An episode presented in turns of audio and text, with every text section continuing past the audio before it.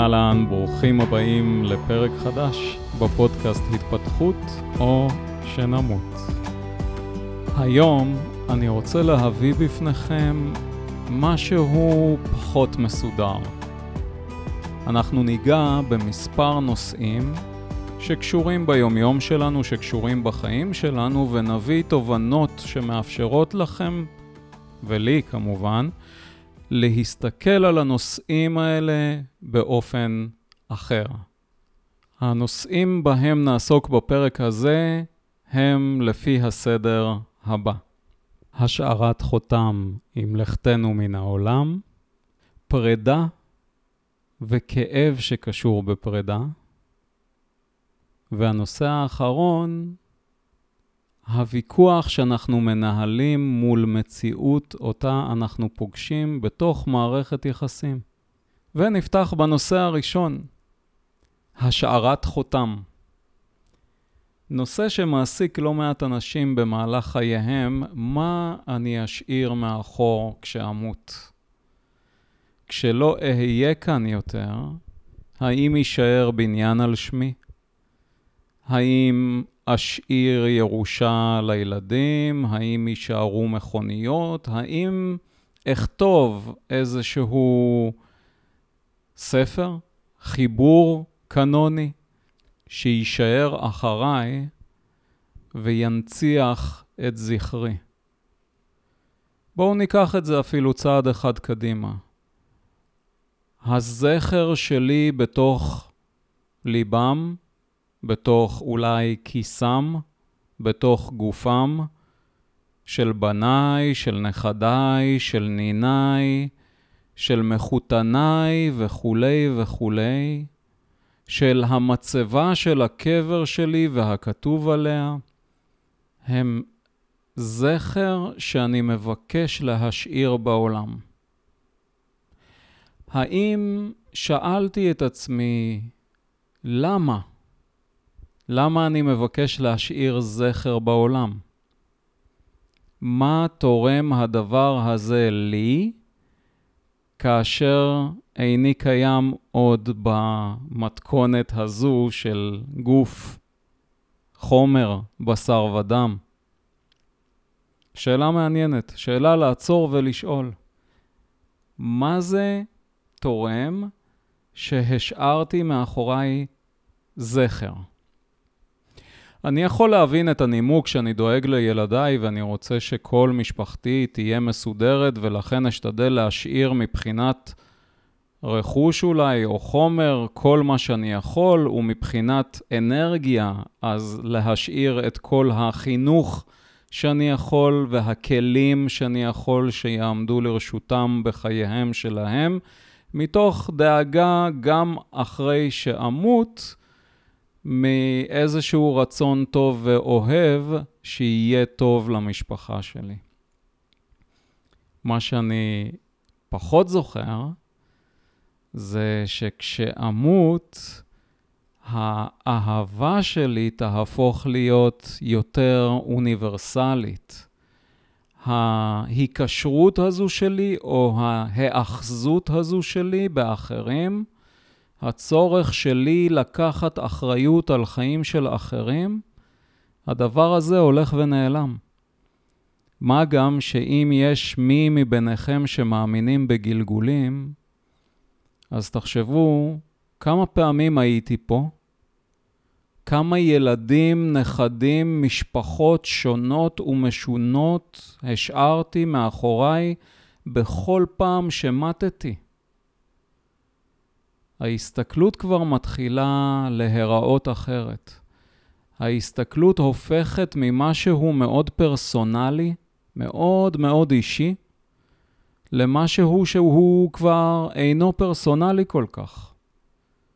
משהו שהוא יותר אוניברסלי, יותר מעוף הציפור בהסתכלות שלי על הדברים, ואז אולי האחריות שאני חש כלפי ילדיי ומשפחתי הולכת ומתפוגגת, ואני נשאר עם הבנה עמוקה שמשפחתי וילדיי צריכים לעבור את השיעורים שלהם ואת מסע החיים שלהם בעצמם, גם כאשר אני לא נמצא כאן. זאת אומרת, כל עוד אני בחיי, אני עושה את הכי טוב שאני יכול, אבל ישנו איזה דחף, ישנו איזה מוטיב אקסטרה, שהרבה אנשים דחוף להם מאוד להשאיר משהו לאחר מותם, אבל לא ברובד הזה של לדאוג למשפחה, אלא יותר ברובד הזה של הנצחת זכרי.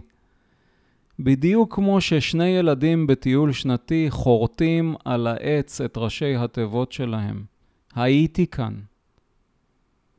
כך גם חשוב לאדם להשאיר אחריו איזשהו חותם שאומר, הייתי כאן.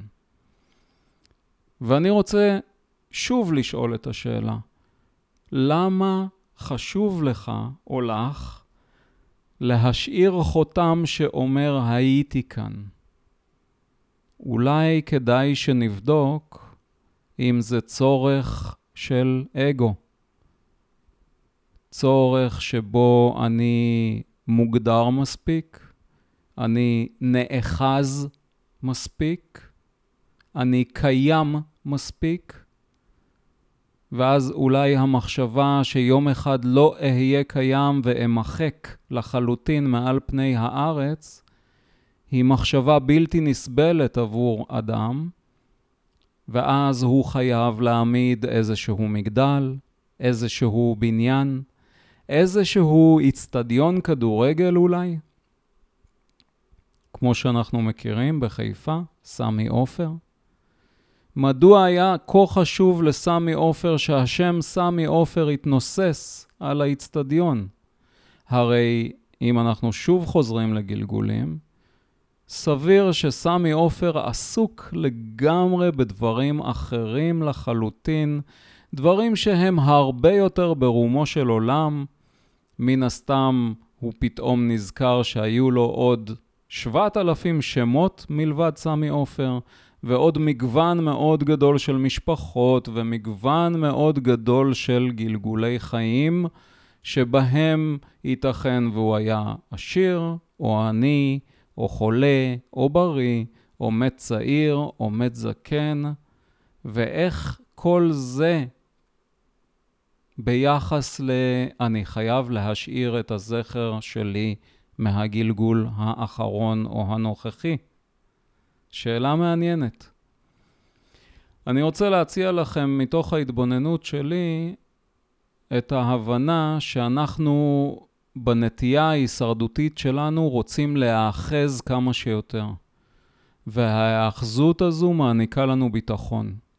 אני נאחז בחומר ומנסה להעביר לחומר את הזהות שלי, את מי אני. אז מתקיימת איזושהי הדדיות. אני זה הבניין שלי, אני זה האוטו שלי, אני זה העבודה שלי, אני זה הבגדים שלי. וההדדיות אומרת, הבניין שלי זה אני, והאוטו שלי זה אני, והבגדים שלי זה אני וכולי.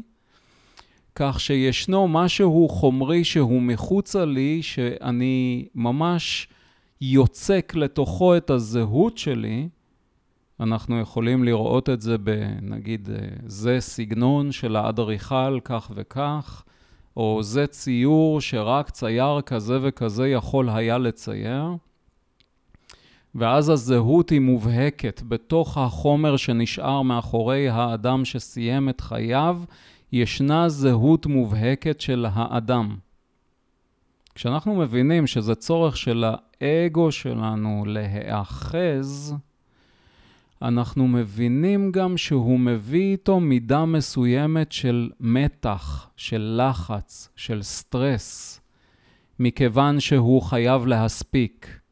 מכיוון שהוא חייב לייצר את החומר הזה שיישאר אחרי לכתו. למה? מה מסוכן לנו כל כך אם לא נשאיר דבר אחרי לכתנו? מה מסוכן לנו כל כך אם כשנמות יימחה לחלוטין זכרנו מעל פני האדמה? מה מסוכן בזה? הרי יש סיכוי, והוא די ריאלי, אני לא יודע מתי הוא יקרה, שכדור הארץ יפגוש כנראה איזשהו אסטרואיד, וימחקו מכאן הרבה מאוד זיכרונות וחומר ובניינים ומפעלי חיים וספריות שלמות וספרים שלמים של הרבה מאוד אנשים שהיו פה, חיו פה וביקרו פה. ואז מה? מה זה כל כך משנה? שאלה. והייתי רוצה להשאיר את השאלה הזו כך פתוחה, להרהור. האם האגו שלי הוא זה שמבקש את האחיזה? האם יש לי מניעים אחרים שהם יותר מניעים אולי אלטרואיסטים, שמבקשים לייצר את הזכר? חומר למחשבה. הנושא הבא שאני רוצה להביא בפניכם קשור בפרדות.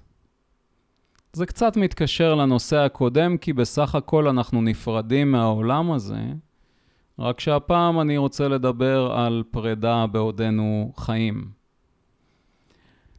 אז הפרידה יכולה להיות מבן או בת זוג, הפרידה יכולה להיות מחבר או חברה טובים, הפרידה יכולה להיות מאדם אהוב שעזב את העולם. בכל אחד מהמקרים האלה, כשאנחנו מחוברים רגשית מאוד חזק לאותו אדם, אנחנו חווים כאב מאוד גדול. ישנו שבר מאוד גדול, כאב לב, געגועים עזים, לפעמים ממש כאבים בגוף. ואז אני שוב רוצה לשאול, למה זה קורה לנו? מה בדיוק הדבר שגורם לכאב הזה? האם אכן זה לכתו של אותו אדם, או שזה קשור במנגנונים שלי, זה אני שנשאר. ושוב אנחנו חוזרים אל האחיזה. אני רגיל להיאחז באדם מסוים, אני רגיל לדינמיקה שמתרחשת בינינו, ואז האחיזה שלי באותו אדם מאפשרת לי ביטחון. אני נמצא בתוך מוכר וידוע, אני מקבל הזנה מסוימת מתוך מערכת היחסים, מתוך הקשר. כמובן שגם הצד השני, מן הסתם, מקבל הזנה מסוימת ממני. וכשהצד השני הולך וישנה כאן פרידה, אני פתאום שם לב שההאזנה הזו שאני רגיל לקבל כבר איננה. ואז עולה בי שאלה. כשאני טוען שאני מתגעגע והגעגוע מאוד כואב לי, למה בדיוק אני מתגעגע? האם אני מתגעגע לתת, או שאני מתגעגע לקבל? לדוגמה, חסר לי מאוד החוש הומור שלה. חסרה לי החוכמה של אבא. השבתות כבר לא נראות אותו דבר כשהיא איננה, כשאשתי עזבה. מה שאנחנו רואים כאן מהדוגמאות האלה, זה שאני חווה איזשהו חסר של משהו שקודם הוענק לי. לא אני הענקתי אותו, אלא הוא הוענק לי, וכרגע אינו מתקיים. אז אני חוזר שוב לעניין הזה של אחיזה. אני נאחז בהרגל, אני נאחז בצינורית הזנה, וכרגע כשהיא איננה, אני ממש חווה כאבים של הגוף. הסיבה שאני חווה כאבים של הגוף היא כי המוכר והידוע כבר איננו. אני פוסע אל תוך הלא נודע, וזה משהו שמערכת ההישרדות שלי לא ממש אוהבת לעשות. יתרה מכך, התאים בגופי מורגלים באופן מאוד מסוים לדינמיקה שמייצרת כימיה מאוד מסוימת בתוך הגוף שלי. התאים כבר לא מקבלים את הכימיה הזו יותר, הם גם כן חווים איזשהו חסר. ומתוך החסר הזה ומתוך יציאה מהמוכר והידוע מאזור הנוחות אל הלא נודע, גם בקרב התאים בגוף שלנו, נחווית ממש מצוקה. המצוקה הזו באה לידי ביטוי בכאב פיזי, ממש. זה יכול להיות כאב לב, זה יכול להיות כאב של הגוף, זה יכול להיות פיק ברכיים, זה יכול להיות כל מיני מניפסטציות של כאב בגוף שלי. ולכן, כשאני נפרד, בתוך פרידה שאני חווה, כדאי שאשים לב שהגעגוע הכואב נוצר מתוך המקום שבו אני נאחז. אז בפרידה ישנם שלבים שעליי לעבור, ולפעמים השלבים שקולים לשלבים של מחזור שלם של אבלות. אבל כשאני מזכיר לעצמי את עניין האחיזה, אני יכול לעבור את כל השלבים במחזור הזה מבלי שאתקע. ואתם תפגשו לא מעט אנשים, ואולי זה קרה גם לכם עצמכם, המקום הזה שבו אנחנו פשוט נתקעים. אנשים שנפרדו מהורים אהובים, או אנשים שנפרדו מבן או בת זוג אהובים מאוד, והם לא מצליחים להמשיך בחייהם בלעדיהם. הדמויות האלה היוו דמויות מפתח בחיים שלהם עד רמה כזו שכשההזנה מתנתקת, אנחנו לא יודעים למצוא בתוכנו את העוצמה, את המשאבים, את הכוח, לספק את ההאזנה הזו בעצמנו לנו. או אולי לעתים למצוא מקור הזנה חליפי.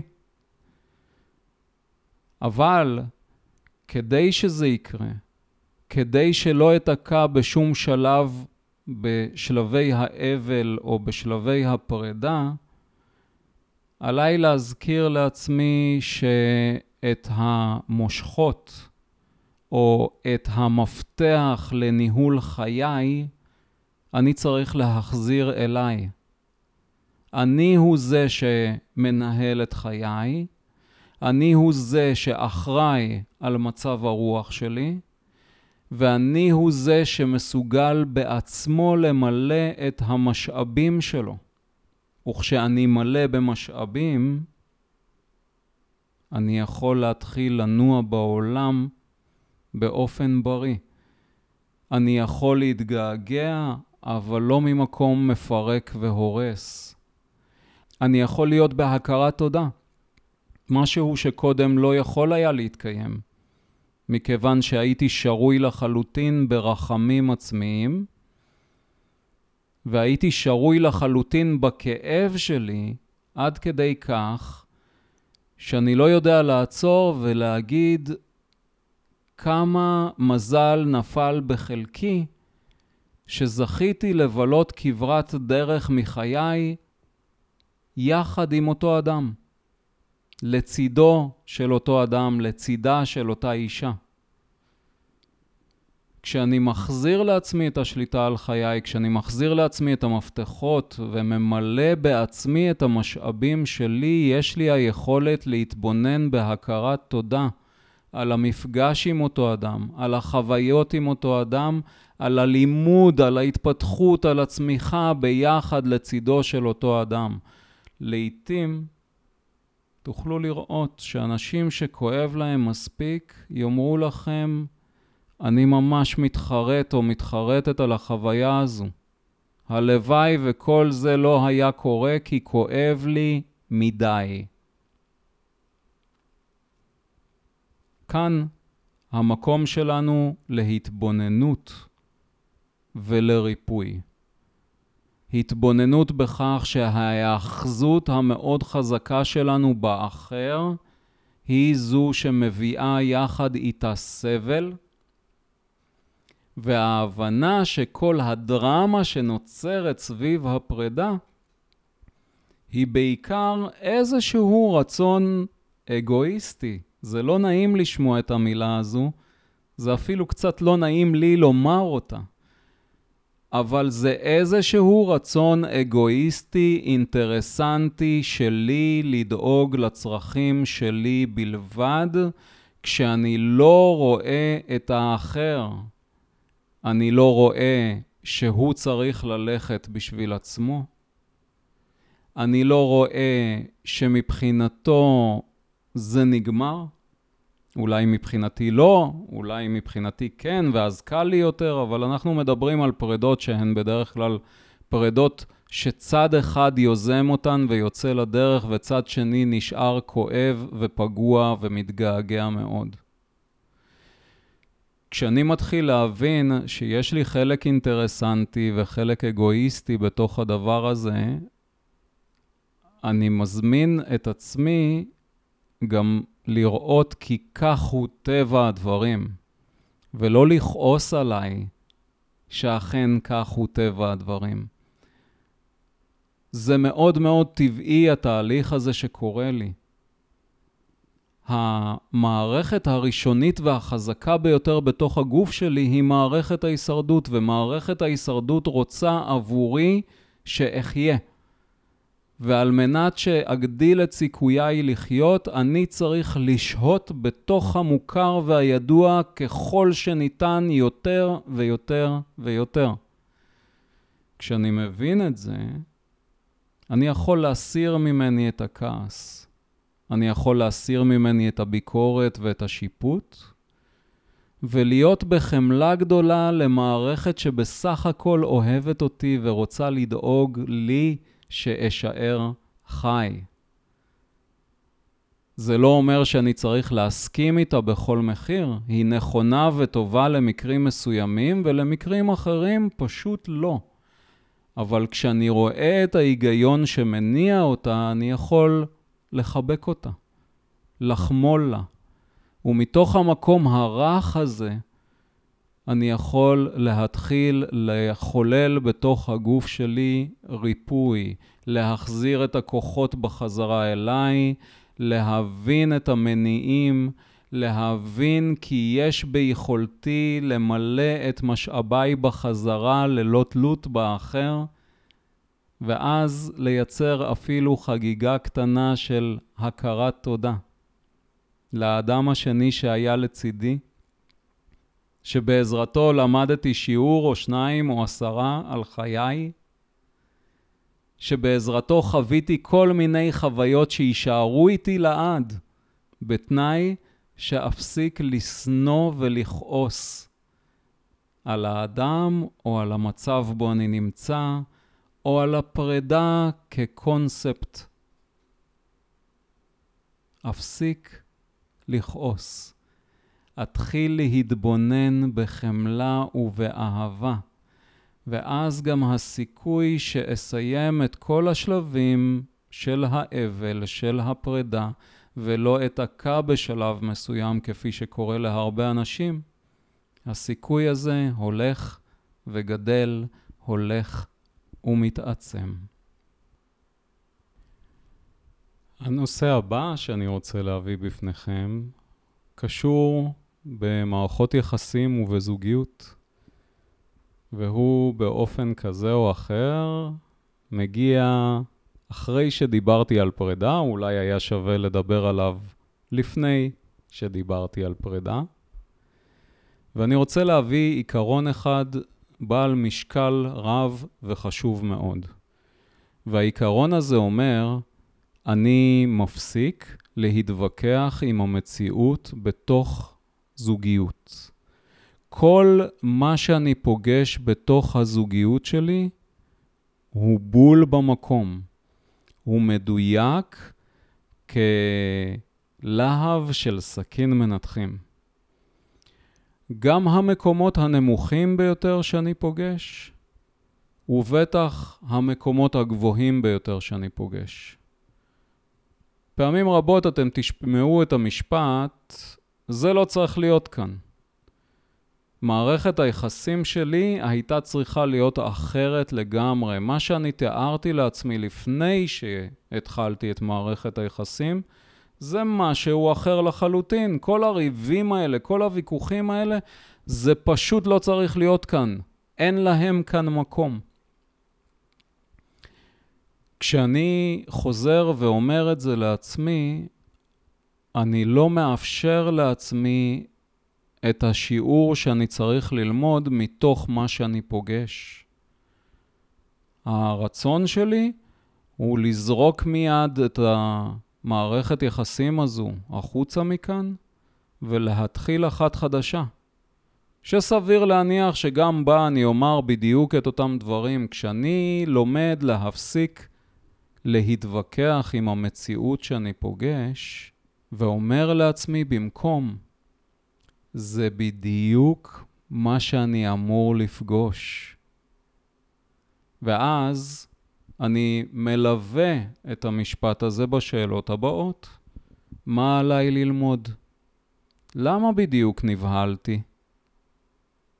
מה זה אומר עליי? האם יש לי איזשהו רצון סמוי להגיע לנקודה שבה אני אומר, הנה צדקתי, אני מחזיק באמת מוחלטת?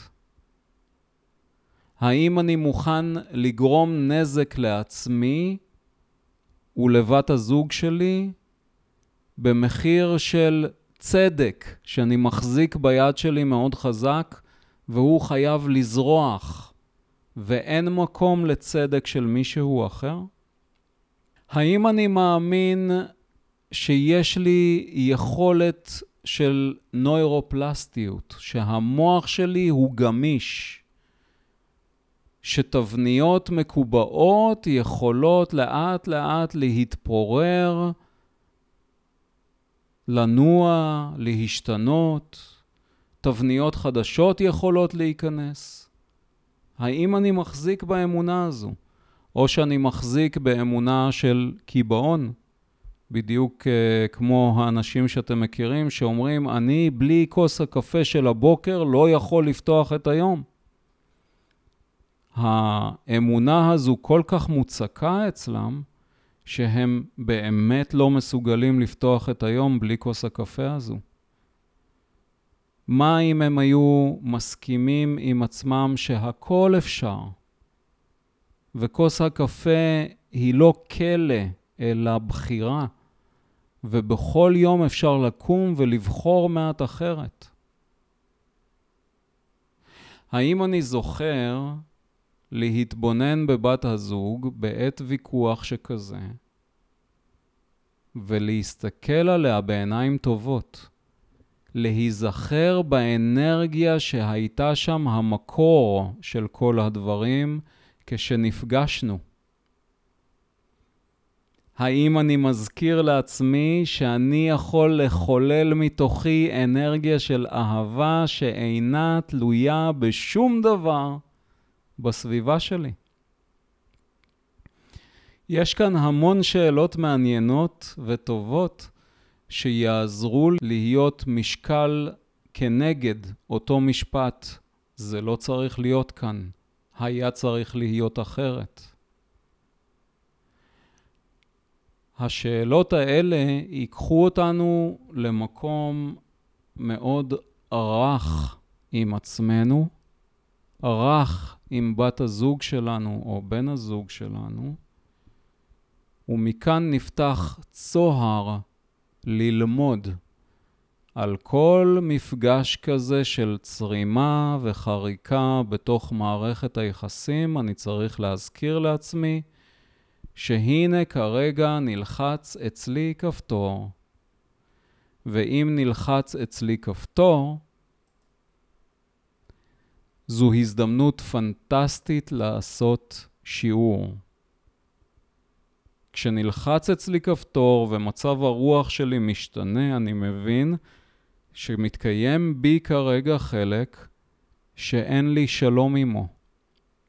מתקיים בי כרגע חלק שמבקש ממני הכרה, שמבקש ממני מידה של אוורור, שמבקש ממני רגע להתבונן בו. אומר משהו חשוב. אנחנו עשויים המון המון חלקים. יש לנו נטייה טבעית להתחבר לחלקים החזקים, הזוהרים והזורחים שבתוכנו, ואותה נטייה טבעית לוקחת אותנו הרחק מהחלקים החלשים שנמצאים בצל, שיש בהם פחדים, שלא נעים לפגוש אותם, כי אנחנו תופסים אותם ככאלה שמחלישים אותנו.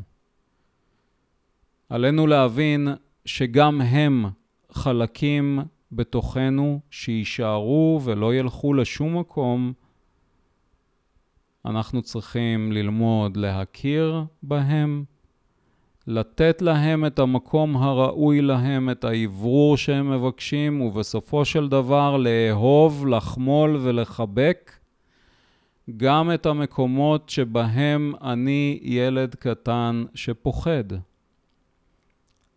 כל הדברים האלה, כל החלקים האלה, במיוחד החלשים והלא נעימים למפגש, יעלו ויצופו בתוך מערכות יחסים בכל פעם שנלחץ כפתור ואני מרגיש שמצב הרוח שלי עכשיו הוסט. זו תהיה אינדיקציה מצוינת עבורי לעצור, להפסיק להתווכח עם המציאות, להתחיל להתבונן פנימה בתוכי לראות מה הופעל, ולקחת את האחריות בחזרה על חיי. יש נטייה מיד לדבר על האחר, להפנות אצבע אל האחר, להאשים את האחר ולומר, אם רק האחר ילך מכאן ולא יהיה כאן, אז לא תהיה בעיה והכל נפתר. ואז אנחנו מפספסים את ההזדמנות לעשות שיעור, ואז יש סיכוי שכשהאחר ילך, אנחנו נביא אחר שילחץ בדיוק על אותם הכפתורים. אז המפתח להכל זה להפסיק להתווכח עם המציאות. כל מה שאני פוגש הוא אכן מדויק, וכל מה שאני פוגש הוא הזדמנות מצוינת בשבילי לעשות שיעור. ייתכן שלא אמצא בתוכי כרגע את המשאבים לעשות את השיעור הזה, וגם זה בסדר. אבל בתנאי שלא אשליך את מלוא האחריות על הצד השני, ואדע, יש כאן כרגע שיעור ללמוד, אין לי כרגע את המשאבים ללמוד אותו, אני משאיר את זה לזמן מאוחר יותר. וכמובן תקשורת, תקשורת, תקשורת, ככל שנוכל יותר לתקשר את הדברים האלה עם בן או בת הזוג, מה אנחנו פוגשים בתוכנו, איך זה מרגיש לנו, מה אנחנו מתכוונים לעשות עם מה שפגשנו, ואולי בן או בת הזוג ישתפו אותנו גם כן, ונגיע למקום הזה של תקשורת מאוד פורה, מצמיחה, מקרבת ומחברת.